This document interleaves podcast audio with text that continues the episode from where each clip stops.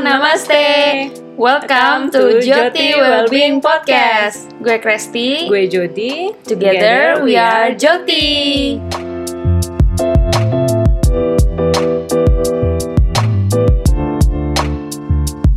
Halo, namaste. Namaste. Uh, we- welcome to Joti Podcast. Episode kali ini merupakan salah satu yang mendadak hype di Indonesia, khususnya di Jakarta ya. ya, Nah, kira-kira apa tuh? kayaknya aku bisa tebak deh. Iya, apa coba? Ini berkebun ya. Iya, ya sekarang kan hype banget nih menanam dan berkebun. Jadi uh, menanam dan berkebun di rumah. Jadi sekarang semua orang berlomba-lomba untuk melatih men- berlatih menjadi petani urban. Uh, Jadi nggak cuman hobi menanam tanaman hias, tapi ada juga yang menanam edible plants, terus sayur sayur mayur untuk dikonsumsi sendiri. Nah menariknya kita juga udah memulai kan hobi ini di tahun 2020 ini. Awalnya itu uh, pasti kan semuanya rata-rata bosen di rumah aja, PSBB nggak bisa ke mana-mana, ya udahlah kita nanam-nanam biar nggak bosen. Tapi ternyata Hmm. kok dengan menanam kita semakin lama semakin senang gitu kan. Ada apa sih dengan menanam ini? Mungkin ternyata menanam itu sebenarnya ada fungsi holistiknya sendiri ke mental health kita. Gitu kan. Hmm, Karena ya, seperti kita ya ya, ya. Karena seperti kita tahu, tumbuhan itu juga mengeluar, tumbuhan itu makhluk hidup dan pasti makhluk hidup itu memancarkan dan mengeluarkan energi positif. Nah, soal berkebun dan hubungannya dengan mental health ini, kali ini Jyoti invite seseorang yang mungkin udah kalian kenal. Jadi tamu Waduh, kita iya. ini sempat mengadakan Meta Loving Kindness. Jadi Meta Meta itu Loving Kindness meditation di IG Live selama kurang lebih enam bulan. Ya, Dan ternyata hari juga iya setiap hari jam jam berapa ya dulu jam 8 malam ya. ya, jam 8 gitu. Ternyata ternyata juga dia tuh suka berkebun gitu. Dia sampai punya IG sendiri untuk berkebun. Oke deh, kalau gitu kita sambut aja. Langsung aja. Ini dia Oke, Mas. David Soeharto. Silahkan memperkenalkan diri. Selamat malam Yes. Mbak Jody, Malam. Mbak Kresti, dan para pen- malam. pendengar semuanya. Apa kabar Ya. Mas David? Sehat-sehat kan? Kabar baik, bagaimana kabarnya berdua? Ya, Baik. masih sehat kita. Alhamdulillah, Jakarta lagi, hujan. Mm-mm. Iya, jadi nggak usah nyiram. Iya, jadi Mas David eh, boleh cerita sedikit dong perkenalan. Boleh dong. Jadi nama saya David Soeharto atau panggil panggilan saya Mas David. Saya itu sebetulnya secara profesi saya praktisi akupunktur Jepang eh, dan pengajar Oke. juga gitu loh. Mm-mm. Saya sudah lama terjun di dunia holistik tuh ya dari tahun 97 mungkin ya. Waktu Iya. saya masih banget. Hmm. waktu saya masih tinggal di luar negeri dan eh, ya akhir-akhir ini karena pandemi kita lagi banyak sering di rumah, Mm-mm. saya ah, memutuskan untuk mencari kesibukan gitu ya untuk em, ngilangin stres segala macem gitu loh. Mm-mm. Terus ibu saya sampai ini dimulai dari ibu saya sebetulnya. Ibu saya bilang gini, udah nanam sayur aja. Itu di lantai satu kan uh, masih ada lahan kosong itu. Udah dipakai aja nanam sayur. Terus saya sampai bingung gitu loh. Nah dari situ Mm-mm. saya mulai berpikir untuk berkebun. Uh-uh. Oh, oke. Jadi baru baru-baru ini ya malah. Baru tahun ini. Iya. Kalau untuk berkebun Hmm. sayur baru pertama kali tahun ini. Oke. Oh, oke. Iya.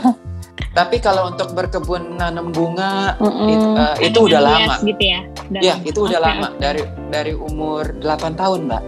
Oh. Pertama nanam sayur apa Mas David? Pertama, Mm-mm. pertama kali itu saya tuh sangat terinspirasi sama Mbak Sita Puji Pujiato. Ada. Instagramnya kalau nggak salah. Nah, beliau itu apa namanya urban farmer juga, petani kota, dan saya melihat Instagramnya itu wow banget deh gitu loh. Terus saya pikir, Oh. "Oh, kalau kalau beliau bisa, saya juga mungkin bisa ya. Mungkin saya nggak sehebat Iya. beliau. Yang penting saya Ah. udah harus mulai. Nah, sayuran Oke. pertama itu Mbak eh, kangkung. Oh, Iya, kayak aku lihat dari Mudah banget kangkung. gitu ya ini. Iya, Kangkung. Betul. Dan kata Mbak Sita, udah nanam kangkung aja. Terus dalam hati saya, wah mudah nih gitu ya. Saya juga udah nonton di YouTube segala macam. Ya memang sih mudah karena kangkung itu kan tanaman rawa, tanaman air. Mm-mm. dan orang bilangnya di di got juga tumbuh emang betul sih tapi, ta- tapi mbak yang namanya menanam menanam itu mudah tapi menanam dengan penuh em, menanam yang sehat menanam yang benar menanam dengan Hmm. penuh kesadaran itu hal yang berbeda Nah, Gitu lah. Nah, pas banget nih sama tema kita kali ini. betul Iya. saya sa- saya sampai eksperimen ya Mm-mm. Eh, se- sebelum pas waktu pertama kali saya menyemai bibit-bibit kangkung itu saya langsung kayak sembr- sembrono saya rendam aja bijinya saya nggak ngapa-ngapain tahu nggak ak- akhirnya tuh gagal semuanya mbak Hmm. iya Hmm. terus saya terus saya eksperimen saya perlahan-lahan ini juga diajarkan oleh guru meditasi saya mbak Sinta Sumarso mungkin mbak Jody mbak Kres dikenal Beliau bilang gini, udah kamu mendingan eh, mulai menanam sayurnya seperti meditasi, perlahan-lahan. Dan jangan lupa didoakan dulu benih-benihnya. Saat gitu loh. Itu saya mulai. Iya. Dijadikan seperti objek meditasi lah. Sejak itu saya baru sadar, wow. Gitu loh, apa nama ini kan sesuatu yang hidup ya Iya. sayuran Mm-mm. ini. Bukan hanya tanaman, bukan hanya Betul. tinggal ditanam tumbuh, tapi juga bagaimana kita berkomunikasi dengan alam semesta. Betul. Hmm. Ya. Em, dari situ saya belajar bahwa eh, untuk menanam sayur itu lain dengan menanam bunga. Saya tuh jago banget menanam bunga apa saja pasti jadi, jadi Oke. gitu loh. Karena dari kecil saya udah paham uh, tentang bunga ini, bunga ini. Tanam di tanah itu mudah lah gitu loh. Cuman kalau nanam secara hidroponik, saya kan hidroponik, cuman saya tidak menggunakan listrik. Jadi hidroponiknya a- airnya tetap gitu loh. Oke. Hmm. Dan itu lebih susah. Iya, aku sering lihatnya pakai listrik soalnya. Iya. Dan hidroponik itu saya dulu ya nyobanya dengan apa namanya pupuk cair organik. Saya nggak pengen pakai AB mix gitu loh ya. Kan ada kimianya. Mm-mm. Wah itu susah sekali mbak, gitu loh. Eh, Hmm. Belajar tentang pupuk, be- perbedaan pupuk ini, pupuk itu, cara mengganti air yang benar, gitu loh. Karena kangkung juga bagaimana ya, mereka mempunyai kebutuhan tersendiri sebagai tanaman sayur dan berbeda, gitu loh. Mm-mm. Dari situ saya Oh. belajar bahwa eh, apa namanya pertama kali yang kita lakukan yaitu eh, memulai bibitnya untuk apa namanya muncul itu yang paling penting, mbak. Mm-mm. Itu yang paling Hmm. penting bagaimana eh, pertama kali kita merendamnya itu jangan terlalu lama, ya, gitu loh. Jadi eh, banyak sekali video-video yang di YouTube sekarang kan orang kan banyak belajar dari YouTube ya. Iya, Tapi kan tidak semua video itu benar loh. betul. Jadi intinya kita harus men- mencari cara kita sendiri untuk menanam yang benar. Gitu loh. Setuju, setuju, itu setuju. Karena ingat tanaman itu res- merespon ke energi kita juga. Hmm. Bagaimana bagaimana kita mem- memperlakukan eh, tanaman itu, tanaman itu akan respon ke diri kita, gitu loh. Jadi kadang-kadang saya juga, eh, saya kan mungkin eh, dulu suka banget hobi pertama saya itu nanam tanaman anggrek, mbak. Wah, Oh, Iya. keren, keren. Dari umur 8 tahun dan anggrek Hebat. itu salah satu tanaman yang paling rewel, Betul. gitu loh. Uh, dan dan manja, manja banget. Jadi harus kata ibu saya harus di, diajak ngomong, disayang-sayangin. Hmm, gitu. Iya sih, betul. bener. Betul. Nah dari situ saya juga uh, apa namanya sejak mulai menyadari bahwa wah ini ternyata saya mungkin harus belajar dari kesalahan pertama saya menyemai dengan cara yang salah, asal ngerendam aja gitu ya, akhirnya saya mulai men- uh, menjalankan menanam sayur seperti latihan meditasi. Saya juga mengajak ngomong benih-benihnya. Pas udah munculnya itu saya tiap pagi saya selalu kayak menyambut uh, sesuatu yang saya cintai gitu. Kayak saya kan juga merawat banyak sekali kucing-kucing liar. Nah seperti kayak Ah, begitulah, nggak ada Iya, bedanya. iya. Iya, Nah, ya ini Mas David nih mirip banget sama nyokapku sih, sama mamaku. Iya. Jadi eh, kan emang mamaku nih suka hobinya tuh gardening, gardening kan berkebun.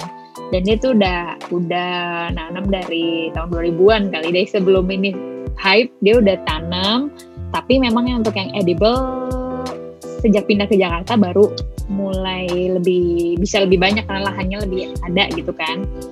Nah, tapi dia tuh pernah bilang ke aku, ingat banget aku dia bilang ini ya eh, hobi hobiku itu ya menanam karena itu tuh ya aku anggap me time. Jadi buat dia itu stress reliever juga, ya jatuhnya juga seperti meditasi buat dia. Dan apa ya, dia suka ngajak ngobrol tanaman gitu sih kalau misalnya ada yang layu-layu gitu terus dia wah kamu nih kenapa? Gitu diajak kayak gitu, diajak ngobrol kayak gitu. Kadang kan aku suka denger soalnya. Jadi Oh, ternyata mirip juga nih Mas David sama iya. Ya memang begitu kalau tiba-tiba udah ada akarnya dipuji-puji. Iya udah ada akarnya, iya ada yang baru, yes gitu. Emang emang kayak gitu sih. Betul, betul sekali. Saya tuh sampai menyadari bahwa berpikir kemarin tuh, kalau misalkan mulai dari besok tidak ada petani, bagaimana ya kita? Kalau kita, tidak ada yang menanam sayuran. Jadi sesudah saya menanam, sesudah dari panen yang pertama kangkung saya itu, saya menyadari bahwa uh, I must not take anything for granted. Apa pun yang ada di meja makan saya mau itu enak, mau itu nggak enak, mau itu sehat, nggak sehat, apa pun makanannya harus saya makan, harus saya syukuri. Betul. Oh, Oke, itu jadi itu salah satu bentuk ininya ya, Iya, bentuk meditasinya. Betul. Dari tahu, dari tempe, apa pun yang Hmm. dari bumi, aduh itu kita harus syukuri. Terutama saat pandemi ini. Betul, betul. Berarti ini ya, memang Terus nih, Mas ada David, korelasinya eh, ya iya. dengan uh, mental health Hmm. dari gardening ini berkebun. Oh iya, ada sekali. Tadi kan Mbak Kresti udah bilang ya meng- menghilangkan eh, stres dan lain-lain. Emang betul sih karena jangan lupa kita kan manusia itu bagian dari alam. Hanya bagian Hmm. kecil dari alam. Alam itu besar sekali dan menanam sayuran itu wah, saya banyak sekali belajar. Saya lebih banyak belajar dari sayuran, dari menanam sayuran daripada saya uh, belajar akupunktur selama lima tahun. Terus terang, Waduh. terus terang. ya, karena saya Oke. belajar sabar banget. Dan saya kan orangnya nggak sabaran. Oh gitu. Iya. Oke. Oke, jadi em, jadi pasti ada ya korelasinya kayak tadi ibunya Kresti bilang eh, stress relief, stress relief, terus Mas David bilang dibandingin lima tahun belajar akupuntur, ternyata ngadepin tanaman jauh lebih rewel gitu. Kalau sebenarnya dari sisi eh, energi sendiri ada juga ya Mas, karena kan eh, kalau kalau aku pelajari em, yang berwarna hijau itu kan kalau di TCM katanya bagus untuk eh, Iya. energi hati ya liver gitu.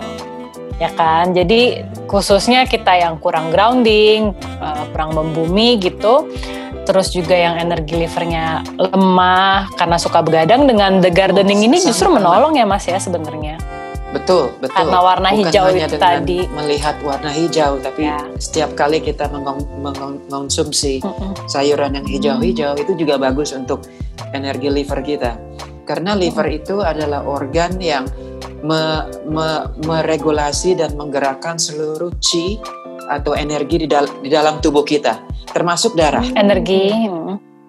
Ya. Oh, gitu. Dan um, Oh, jangan lupa iya, di, iya. di TCM itu dan di Yin Yoga juga. Liver itu kan elemennya unsurnya kayu. Mm-mm. Ya, seperti pohon. Gitu loh. Betul. Um, Hmm. Jadi Gitu. sangat dekat sekali dengan berkebun dan segala macam. Ya. Oh, menarik, menarik. Iya. Iya. Menarik kan? Iya, berarti emang emang apa ya? Emang saat ini tiba-tiba lagi muncul pandemi, terus tiba-tiba pada Iya. suka tanaman tuh is a good way ya berarti ya untuk stress relieving, bukannya sekedar hanya nggak bosan aja gitu. Tapi emang Oh, ada ada. sisi holistiknya juga gitu.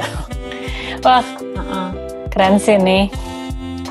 Terus em, Mas David kan kalau aku lihat di Iya. Kebun Kasih nih IG-nya Mas David itu Kebun Kasih kalau kalian mau follow boleh. Itu kan kebanyakan eh, herbs terus edible plants terus Mas David juga Iya. mengolah waste-nya loh.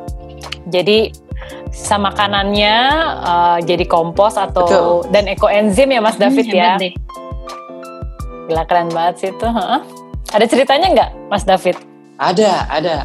Jadi pertama kali itu saya dikenalkan ekoenzim sama salah satu sahabat saya Mbak Dela Jaskara.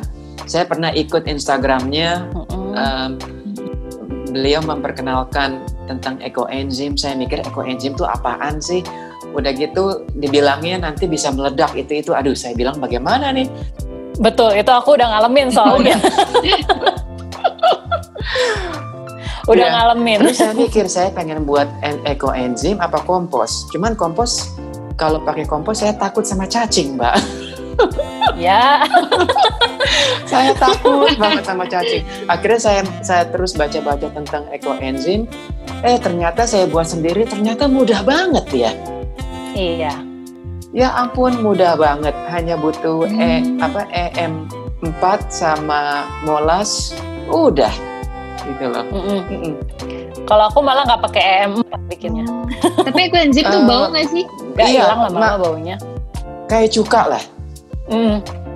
Kayak cuka. Oh kayak cuka, oke. Kalau di rumahku soalnya aja jadi aku aku waktu itu pernah nanya ke mamaku kayak kita tuh kenapa nggak pakai ekoenzim gitu? Karena kita pakai kom, kita dia bikin pupuk kompos sendiri kalau untuk untuk tanamannya. Jadi dia bikin sendiri komposnya. Tapi dia nggak pernah nyoba ekoenzim. Katanya nanti dulu itu PR gitu. Iya, soalnya koenzim tuh ini Jadi aku belum nggak apa sih ekoenzim? Misalnya kita punya sisa makanan nih atau kalau sayuran kan kita masak kita potong suka ada bonggol-bonggolnya itu. Nah itu kita potong kecil-kecil gitu. Dulu aku juga bikin gede-gede gitu. Terus nyokapku bilang loh kok gede-gede? Kapan terurainya akhirnya kita potonglah kecil-kecil gitu kan. Potong kecil-kecil taruh di di apa di wadah plastik terus dimasukin semuanya. Komposisinya berapa? Aku jadi lupa deh. Pokoknya tuh ditambah air terus ditambahin molase. Dah itu doang kalau aku nggak pakai E4 itu terus didiemin. Pernah suatu waktu ada yang gagal jadi eh, jadi berjamur gitu kan. Itu kan harus dibuang kalau udah jadi berjamur. Itu juga pernah gagal. Terus pernah juga meledak. Nah itu malu-maluin banget meledak.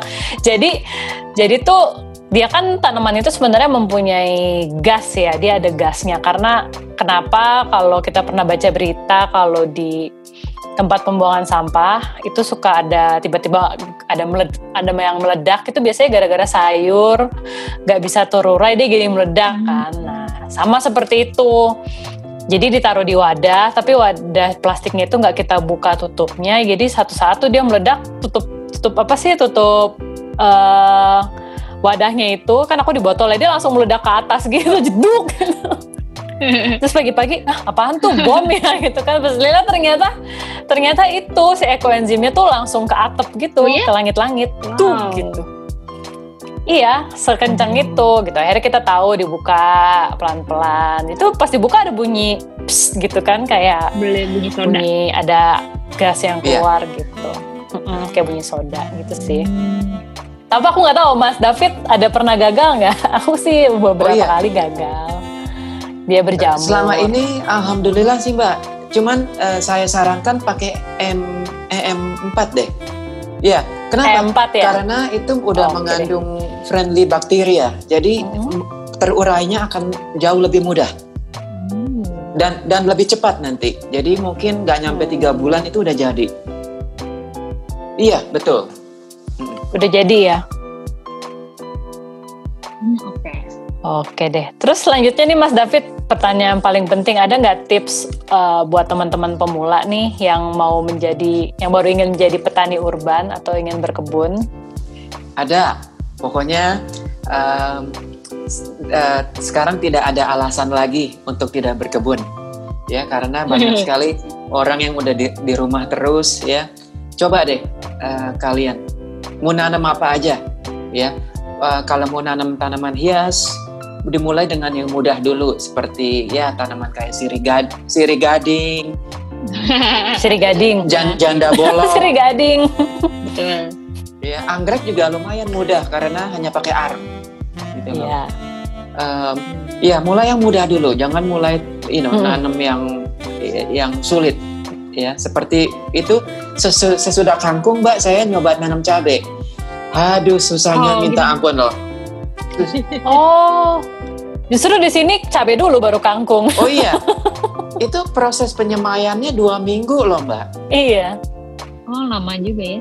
Iya, Gak tahu tuh kalau di rumahku dari apa sih biji-biji cabenya itu dimasukin aja ke tanah tertumbuh. oh gitu. Iya, Oh iya bisa juga gitu. sih. Iya. Iya. Kangkung juga gitu. Kalau kangkung sih ya cuman satu hari udah numbuh. Kalau ya, cabai, cepet. iya. Soalnya cabai itu masalahnya semut suka sama bijinya. Iya. Jadi suka digali, suka dicuri. Dan saya bingung kadang-kadang gitu loh. Saya sempet apa ngikutin semutnya pas eh, pas biji cabainya diambil ini mau dibawa ke mana gitu. saya juga masih bingung. Tapi ya itu eh, ngomong-ngomong semut, Mbak. Iya, saya juga banyak belajar bukan hanya dari tanamannya, tapi dari hama-hama yang datang juga. Itu mereka guru-guru juga. Gitu loh. Oh, gitu. Iya. Jadi gimana tuh Karena- pelajarannya Mas Paul dari hama-hama itu? Um, mungkin sama seperti virus corona ini ya, karena virusnya itu virus apa pun, bakteri apa pun akan selalu ada. Sama dengan hama-hama di di di sekitar kita akan selalu ada.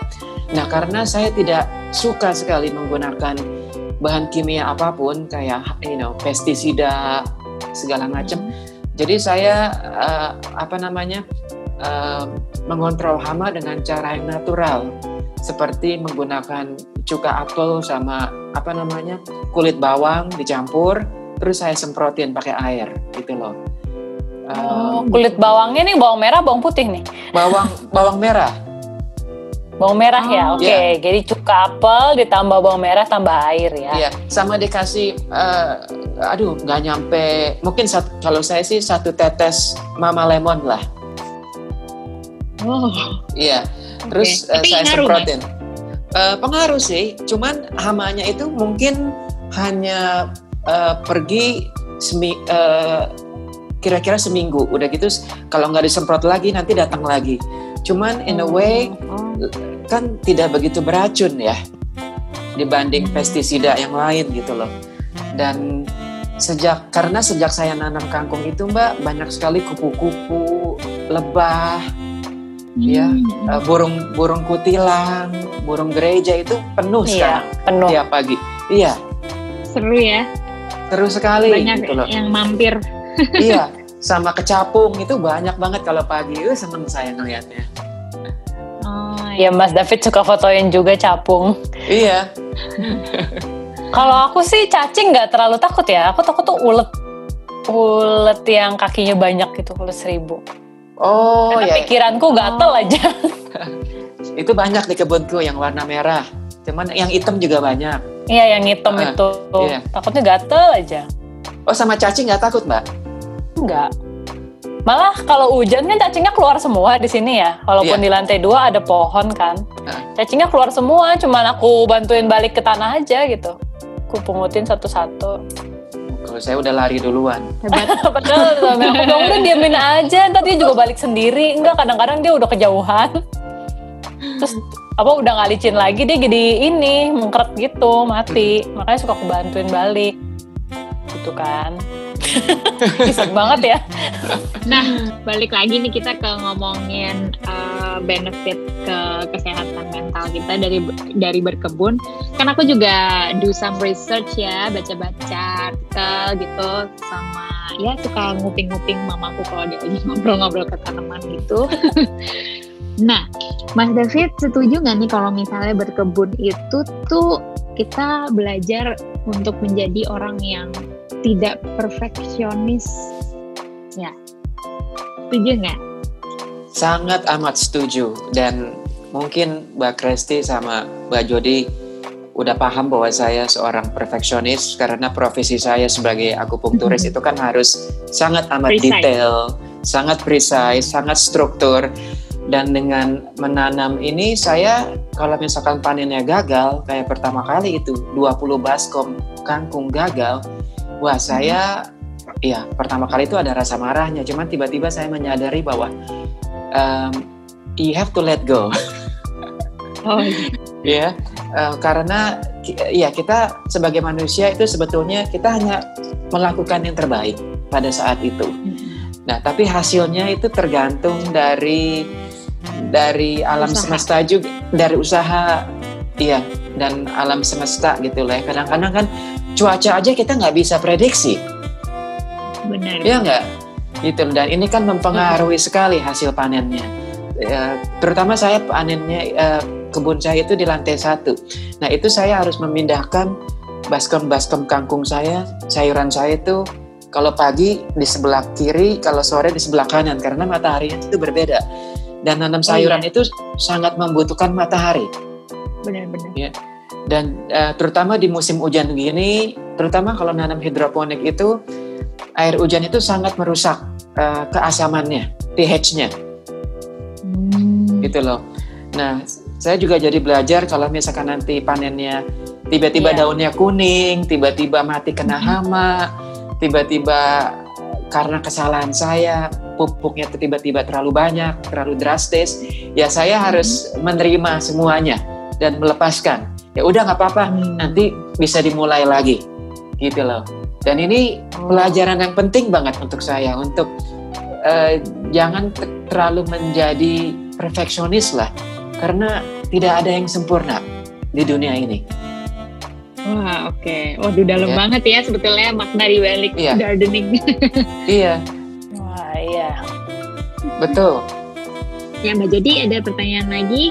Udah sih aku udah cukup, udah cukup. Wow. Oh ya? Soalnya aku juga pertama kali nanam itu awalnya emang cabe sama singkong sih.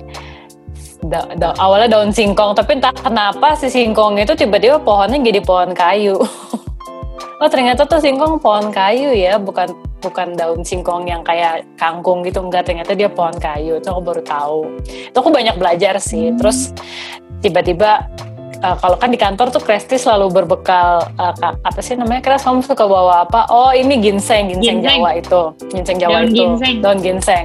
Ah, Terus aku tiba-tiba dikasih satu pot daun ginseng. Sampai sekarang daun ginsengnya berkembang terus itu. Jadi ya Iya. awalnya jadi tahu oh ternyata ginseng itu nggak boleh langsung kena matahari gitu. Jadi ditaruh di bawah pohon kamboja. Terus kangkung nggak boleh banyak kena air karena kalau kena air kangkungnya lemes gitu-gitu sih. Jadi jadi oh gini ya gitu. Kalau ginsengnya sekali. udah sering kumakan sih, Kres. Jadi ginseng itu lucu loh. Ginseng daun ginseng itu kita potong, kita tancepin lagi, terus tumbuh. Gitu. Oh iya? Hmm.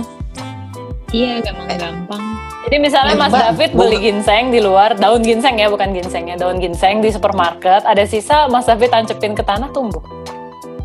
Hmm, di kebun saya, eh, ibu saya nanam sih, dan bunganya indah sekali loh.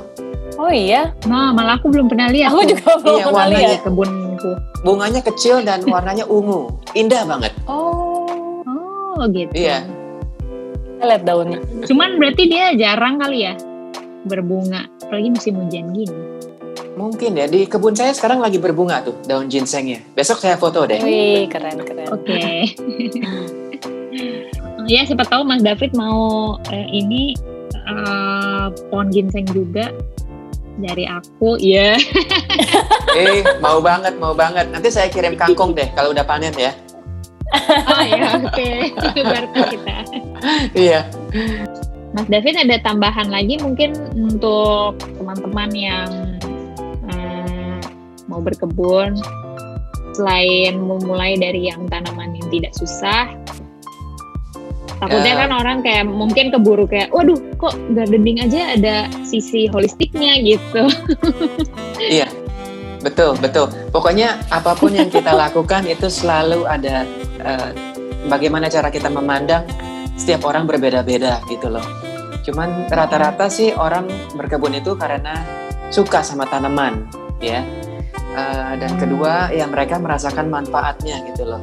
Tiap hari berkebun, dari menyiram tanaman pun kita merasa menanamkan ulas asih kita kepada makhluk yang lain, gitu loh. Mem- mem- memberikan pupuk, meng- Iya, naruh di betul, tempat yang betul. kena matahari. Itu udah seperti seperti seorang ibu menyayangkan anaknya gitu loh. Wah Iya. iya sih. iya betul. Jadi ya mulai aja menanam apa pun dimulai dari yang mudah, eh, mau tanam bunga, mau tanam salah satu eh, tips yang paling mudah menanam ini deh microgreen. Microgreen kayak apa tuh mas? Iya. Bibit Oh, matahari, kecil-kecil itu ya? bibit Malah belum pernah, bibit apa lagi ya? Bibit Oh. brokoli dan vitaminnya sangat tinggi loh. Oh, ini berarti Iya. yang kayak di di paket-paket kecil gitu bisa? ya? Dari Betul. situ bisa. Betul, ya. Oh, Saya lagi menanam bunga matahari dan ini cepat sekali karena dalam lima hari itu udah panen. wow, cepet. Iya, jadi seperti kayak toge tinggi lah dan Cepet itu ya? udah dipanen. Terutama brokoli itu vitaminnya 40% lebih banyak daripada brokoli yang besar. Hmm, gitu. Iya, Tapi Iya. jadinya kecil-kecil juga mas brokolinya. kecil, iya kecil-kecil dan kita tidak meng- kita tidak menggunakan tanah. Kita Kan menggunakan mikro. eh, kokopit. Jadi tidak kotor. Hmm, gitu. Iya. Tanam deh. Jadi Oh iya. Bener-bener petani urban Iya, ya yang di apartemen. Di teman-teman yang di apartemen bisa iya, coba. betul dan hanya butuh tray yang soalnya. kecil gitu loh. Jadi ya mulai dari microgreen. Nanti pas udah dipanennya, aduh hati itu kayaknya seneng banget gitu lah. Hmm, ya ya ya. Oke. Good tips. Oke, berarti boleh dicoba ya microgreens. Iya. Bisa beli di mana aja di e-commerce juga ada pasti ya. Jadi yang tinggal di gedung-gedung tinggi bisa coba untuk beli microgreens kan karena lahannya terbatas. Kalau punya lahan Betul, ya betul. lebih baik ya Kalau Mas nggak- David nggak- ya kita nggak nanam langsung pot, di tanah atau di ya tanahnya Lebih ada di pot juga. gitu. Iya, sekarang polybagnya udah udah ada bolong-bolongan ya, Nah Jadi iya, nggak lebih usah mudah juga. bolongin lagi. Mm-mm. Mm-mm. Wah seru banget nih hari ini kita cerita tentang tanaman. Ternyata tanaman itu benar-benar benar-benar apa ya? Em, selain bisa kalau sayur ya selain bisa dimakan untuk kita konsumsi tapi juga ya transfer energinya tuh ada gitu memberikan loving kindness ya sesama makhluk hidup gitu kan Iya betul. jadi benar-benar Iya sih, ya. kita apa ya Kres ya saling apa udah kita makan juga dari situ itu ya kayak ya apa yang kita tuai ke mereka gitu kan energi kita ke mereka akhirnya kita, buat makan kita ya biasanya rasanya jauh lebih enak kan apalagi dimasaknya juga lebih dengan awareness ya gitu wah keren banget sih Mas David ini betul, Istilah istilah kerennya kalau bahasa Inggrisnya you reap what you sow. betul. iya Ya, jadi Keren, keren jadi ya. walaupun aku walaupun aku sih sebetulnya nggak nggak into gardening ya, tapi karena aku apa mamaku berkebun jadi ya aku tahu lah satu dua hal tentang berkebun juga jadi jadi observe juga gitu gara-gara dia. Ya, ada ada pelajarannya juga lah walaupun sebagai penonton di samping. Iya, oh iya Gitu. kalian kalau mau follow IG berkebunnya Mas David itu di Kebun Kasih ya Mas ya, at Kebun Kasih, Kebun Um, titik kasih. Kebun titik Kasih, terus eh, IG-nya sendiri Mas David touch sentuh underscore dua kali healing. Ya. Iya. Mas David ini suka ada kelas online juga. Siapa tahu teman-teman mau ikut untuk belajar Qigong atau eh, Moksa. Iya. Boleh silakan di DM aja langsung ke Mas David atau pertanyaan lainnya ke @joti podcast. Dot podcast, joti dot podcast. Joti.podcast. Oke. Mas David terima kasih Oke. atas waktunya. Mungkin nanti lain kali kita undang lagi untuk ngob- apa, ngobrolin hal yang lain ya. Sip. Terima kasih saya udah diundang. Thank you Mas David. Terima kasih sudah Thank mau you. menjadi bagian dari Joti. Thank you. Selamat malam. Selamat malam. Bye-bye. Bye. Namaste. Namaste.